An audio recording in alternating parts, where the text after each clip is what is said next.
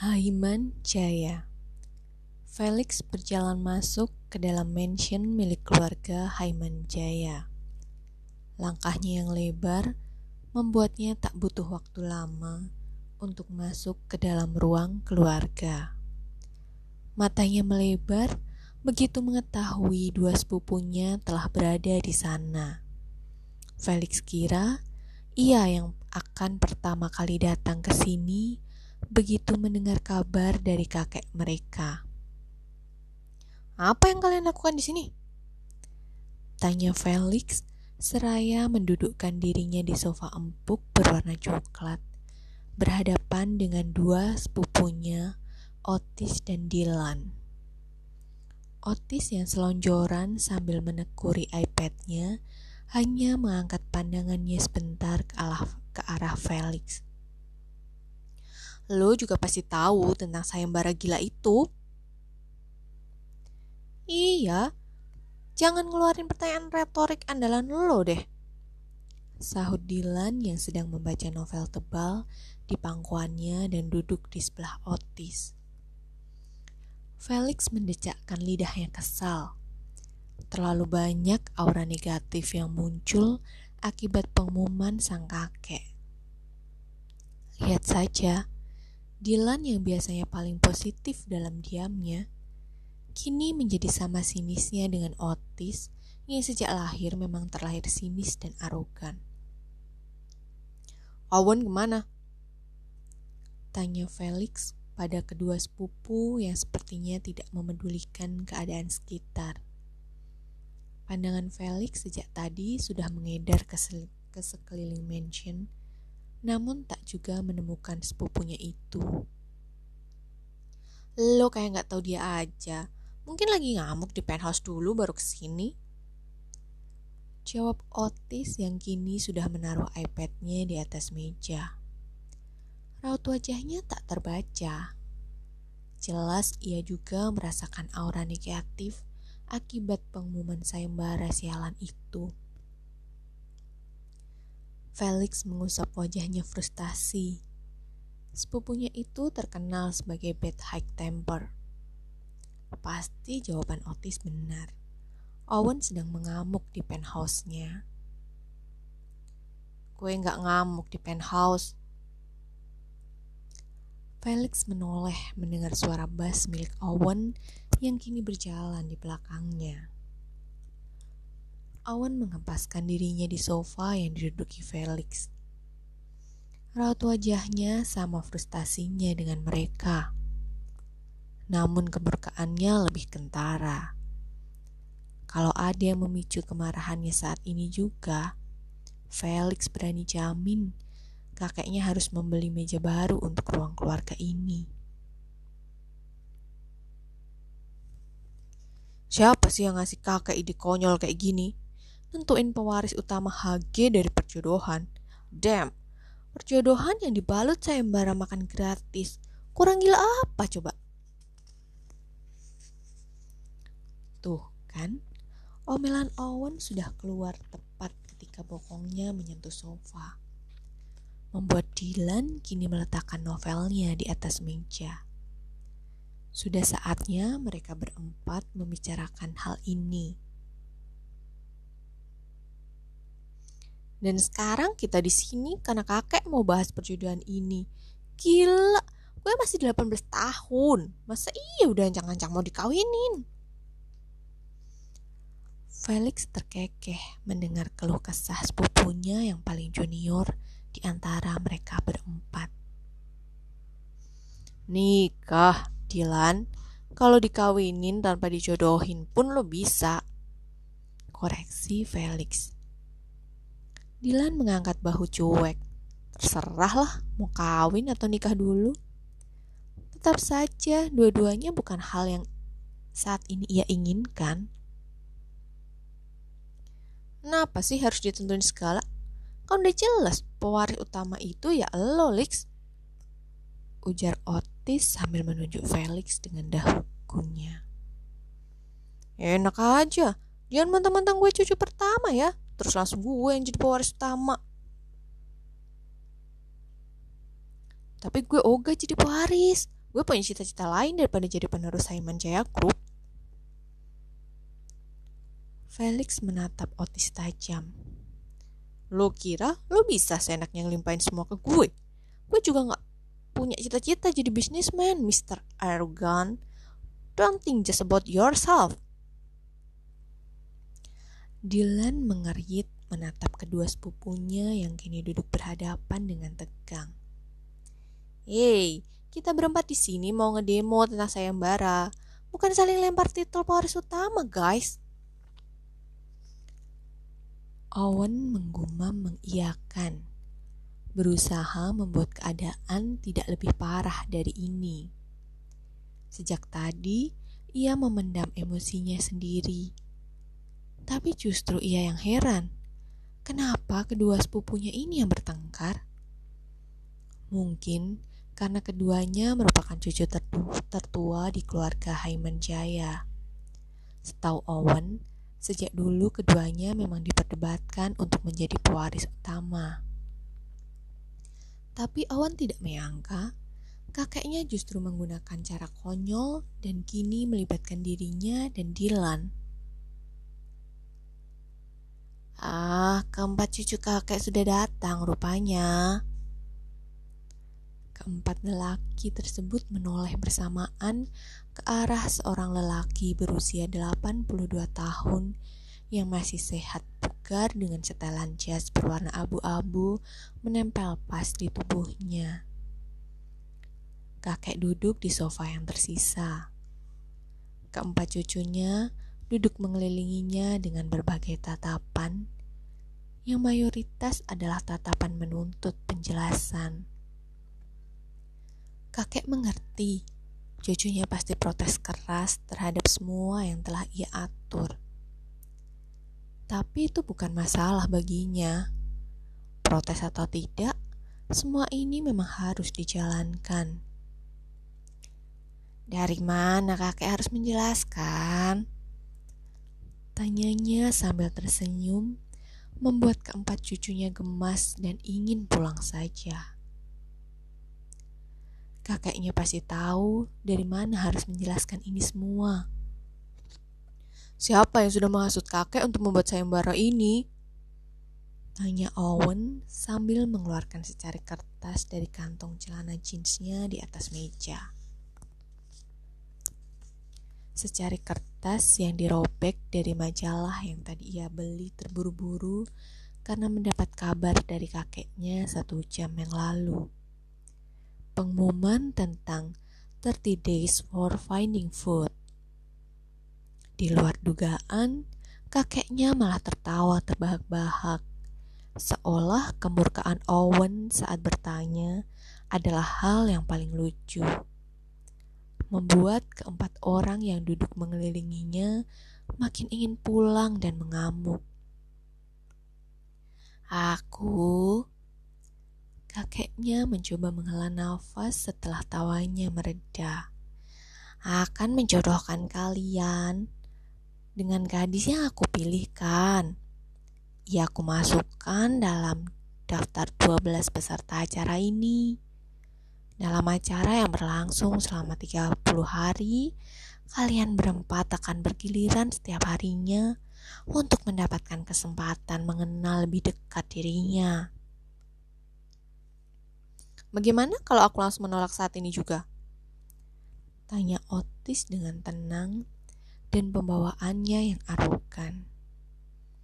Kakeknya tersenyum lalu menjawab, Semua fasilitasmu kubekukan mulai dari kartu ATM, kartu HG, kartu kredit, mobil, apartemen, dan uangmu yang ada di rekening. Apa? Kakak tidak bisa melakukan hal ini. Mama pasti tidak akan setuju.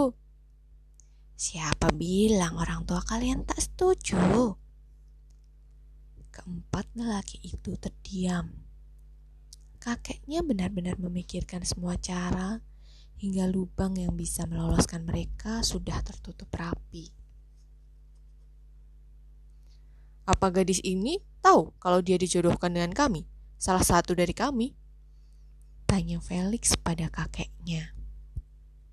Tidak, ia murni berpikir kalau ia hanya lolos acara ini. Owen memalingkan wajahnya dan menggumam sinis. Kasihan sekali di sini, hanya dijadikan penentu pewaris. Ketika ketiga sepupunya yang lain juga mendengar kalimat itu, sepintas mengiyakan pendapatnya itu. Tapi masih banyak hal yang berseliweran di kepala masing-masing. Baiklah, selamat berjuang cucu-cucuku. Aku tahu yang terbaik pasti akan mendapatkan yang terbaik. Sekretariat Haiman Jaya Group terletak di sebuah gedung berlantai 25. Gedung itu merupakan kantor pusat dari anak perusahaan HG yang di dalamnya terdapat sebuah wine dining restoran eksklusif milik HG yang memperlakukan sistem reservasi. Customer harus mereservasi tempat tersebut tiga bulan sebelumnya kalau ingin mengadakan acara di sana, saking panjangnya antrean. Dora mencoba melangkah tegak dan anggun, namun sia-sia saja. Kikuknya tak akan hilang walau di tempat berkelas seperti ini. Berkali-kali ia tersandung langkah kakinya sendiri yang mengenakan denim wedges. Aldora? Sebuah suara mengagetkan Dora yang kini berdiri di tengah-tengah lobi seperti anak hilang. Dora menoleh ke belakangnya. Seorang lelaki dengan kulitan dan kedua tangannya dimasukkan ke dalam saku fetish jeansnya menatap Dora sambil tersenyum. Lo Aldora kan? Peserta 30 Days for Finding Food kan? Tanya lelaki itu sekali lagi, membuat Dora yang sempat ternganga beberapa saat memandangi pahatan Dewa Yunani itu tersadar akan kebodohannya. Iya, kok tahu? Jawab Dora sambil tersenyum kiku. Udah ditunggu panitia tuh, yuk ikut gue. Ajak lelaki itu sambil menggandeng tangan Dora. Dora benar-benar tak habis pikir. Apa lelaki ini nggak tahu kalau jantungnya nyaris melompat saat tangannya digandeng seenaknya seperti ini? Dora tidak tahu lelaki itu siapa, tetapi ia hanya menurut. Mungkin panitia, pikirnya. Lelaki itu membawanya menuju sebuah ruangan dengan pintu yang terbuka lebar. Sebuah ruang meeting dengan sebagian besar kursi sudah diduduki. Lelaki itu berhenti tak jauh dari pintu, lalu melepaskan gandengan tangannya. Nah, masuk dalam, Gih. Panitia udah nunggu loh ujarnya sambil mengamati Dora lekat, berusaha menyamarkan pandangannya yang menyapu dari atas kepala hingga ujung kaki Dora, walau tak berhasil. Dora tahu lelaki ini sedang mengamatinya sedetail mungkin. Entahlah, Dora tak tahu tujuan lelaki itu apa. Setidaknya dia bukan orang jahat ia justru mengantarkannya pada ruangan yang sejak tadi ia cari. Iya, terima kasih. Lelaki itu mengangguk, lalu berjalan pergi. Dora masih termangu, menatap punggung itu menjauh hingga menghilang di tengah hektiknya suasana kantor tersebut. Bahkan Dora tak sempat menanyakan namanya sesuatu yang ia sesali sedikit. Seorang panitia yang menyadari kehadiran Dora menghampirinya, membuat Dora langsung terlupa akan lelaki yang membantunya tadi. Seorang perempuan berusia sekitar 30-an langsung mempersilahkan duduk dan mulai menjelaskan gambaran umum acara ini. Ah ya, sebelumnya kita kenalan dulu ya. Saya Mawar. Dora menyambut uluran tangan tersebut dan tersenyum. Saya Aldora, panggil saja Dora. Oke Dora, tugas saya di sini adalah membantu kamu tentang detail acara ini sebelum nanti dibeberkan secara lebih gamblang di briefing nanti. Dora mengangguk dan membenarkan posisi duduknya agar bisa lebih konsen menyimak apa yang Mawar akan jelaskan. Mawar membenarkan posisi kacamatanya yang half frame, lalu melanjutkan kembali kalimatnya. 30 Days for Finding Food adalah sebuah rangkaian acara menuju acara puncak ulang tahun HG. Selama 30 hari, kamu akan menikmati sajian dari 30 cabang HG. Dalam satu hari, kamu akan ditentukan harus makan di cabang hagi yang mana. Dan ini kamu lakukan sendiri. Begitu juga 11 peserta lainnya. Jadi, di sini kalian akan bertindak sebagai individu. Karena kalau kamu ditempatkan di restoran A, belum tentu teman-teman yang lain juga di restoran A. Waktu untuk kunjungan ke cabang kami, kami yang akan tentukan kamu sekolah apa kuliah? Sekolah, cuma memang sekolahku sedang libur semester sejak dua hari yang lalu. Mawar mengangguk puas, lalu melanjutkan. Nah, setelah 30 hari berlalu, kamu akan diundang ke acara puncak dan kamu akan memberikan komentar apa pun untuk semua produk kami yang telah kamu coba. Dora langsung menatap Mawar ngeri memberi komentar di acara puncak, bicara di depan umum. Itu bukan hal yang bisa Dora lakukan dengan baik. Tapi, saya nggak tahu mesti ngomong apa nanti. Ungkap Dora takut-takut. Mawar tersenyum melihatnya. Anak ini polos sekali. Tenang saja, nanti pasti bisa kok. Ada lagi yang ingin kamu tanyakan? Dora hanya menggeleng pelan. Baiklah, sepertinya briefing akan dimulai. Saya permisi dulu. Dora mengangguk, membiarkan Mawar pergi. Perhatiannya kini fokus pada pihak HG yang bersiap memulai briefing setelah semua peserta hadir. Ia menyelipkan anak rambutnya ke belakang telinganya dan menarik napas. Semua akan dimulai dari sekarang untuk 30 hari ke depan. Lo apain dia? Felix mengangkat bahunya ringan sambil menyusul duduk di sebelah Owen yang memegang secangkir kopi. Mengantarnya, Owen mendelik ke arah Felix curiga. Ia sendiri tak menyangka kalau Felix akan bertindak lebih cepat daripada yang ia kira. Pikirannya kembali melayang ketika mereka berdua keluar dari lift setelah menemui kakeknya di ruangannya.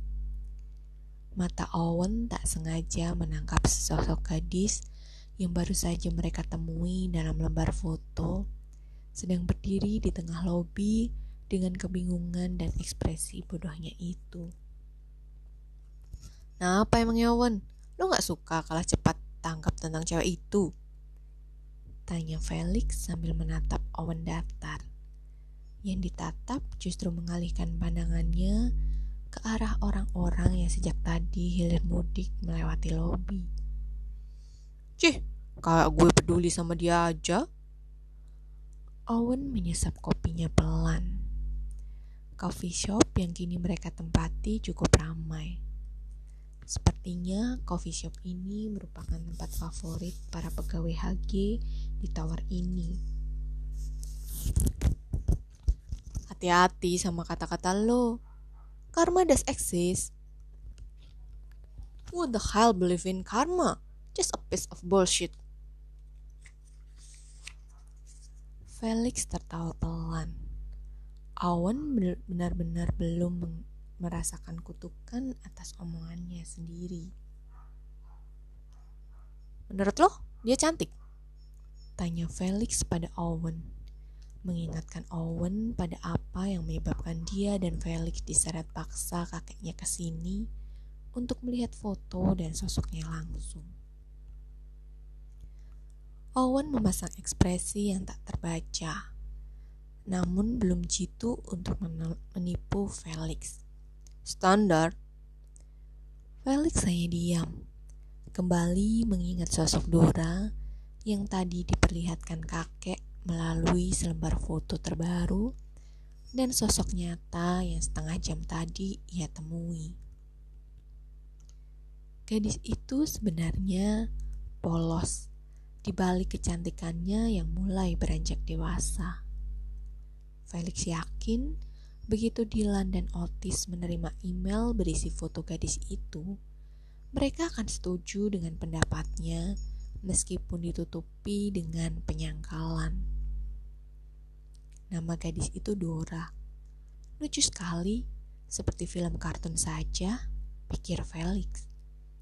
Namun menurut Owen, nama itu terdengar konyol dan opininya makin didukung dengan kikuknya gadis itu di tengah keramaian. Gadis seperti itu mau dijadikan penentu sang ahli waris. Yang mana saja, pikir Owen sinis. Di antara mereka berempat, siapa yang akan tertarik dengan gadis itu?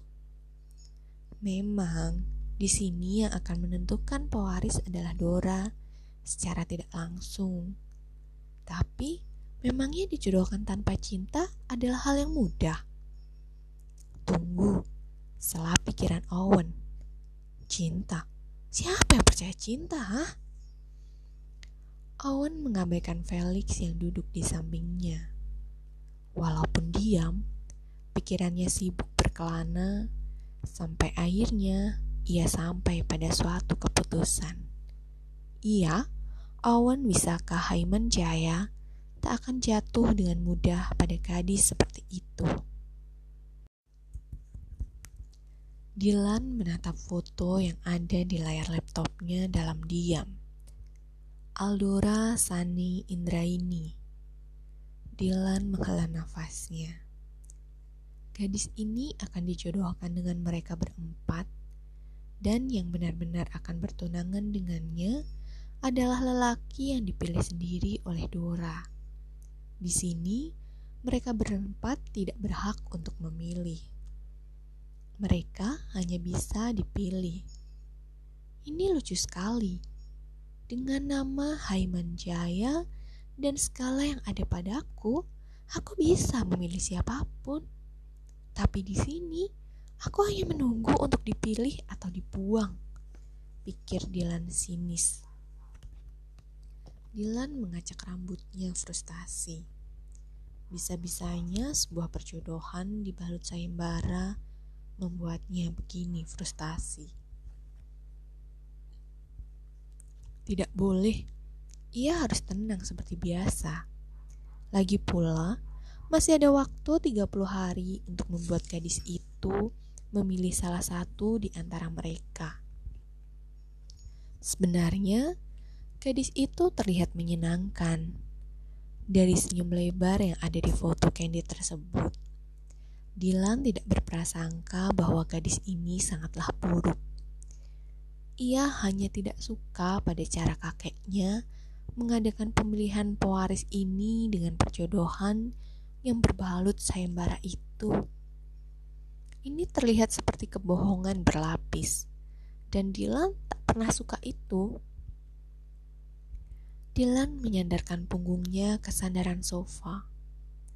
Semoga 30 hari ini akan segera berakhir. Dora duduk di sebelah Noel dengan senyum merekah. Tentu saja, siapa yang tidak sabar untuk memulai perjalanan selama 30 hari untuk mencicipi segala macam sajian Haiman Jaya Group, perusahaan yang bergerak di bidang pengolahan makanan, baik itu dalam bentuk makanan instan, snack, cafe, fine dining restoran, coffee shop, bakery, sampai restoran makanan daerah. Produksi utamanya yang difokuskan pada roti dan segala macam makanan instan telah membuat perusahaan ini menjadi salah satu dari 10 besar perusahaan raksasa di Asia, bahkan merambat ke luar Asia. Bukan hanya di Indonesia saja produknya dikenal dengan baik, namun di luar negeri seperti Malaysia, Singapura, bahkan Thailand. HG bukanlah perusahaan yang bisa dipandang sebelah mata. Aldora, jangan senyum-senyum sendiri. Gue tahu lo seneng, tapi tingkah lo kayak orang gila tau. Ujar Noel seraya menyetir mobilnya dengan pandangan lurus ke depan. Dora yang mendengarnya langsung merengut.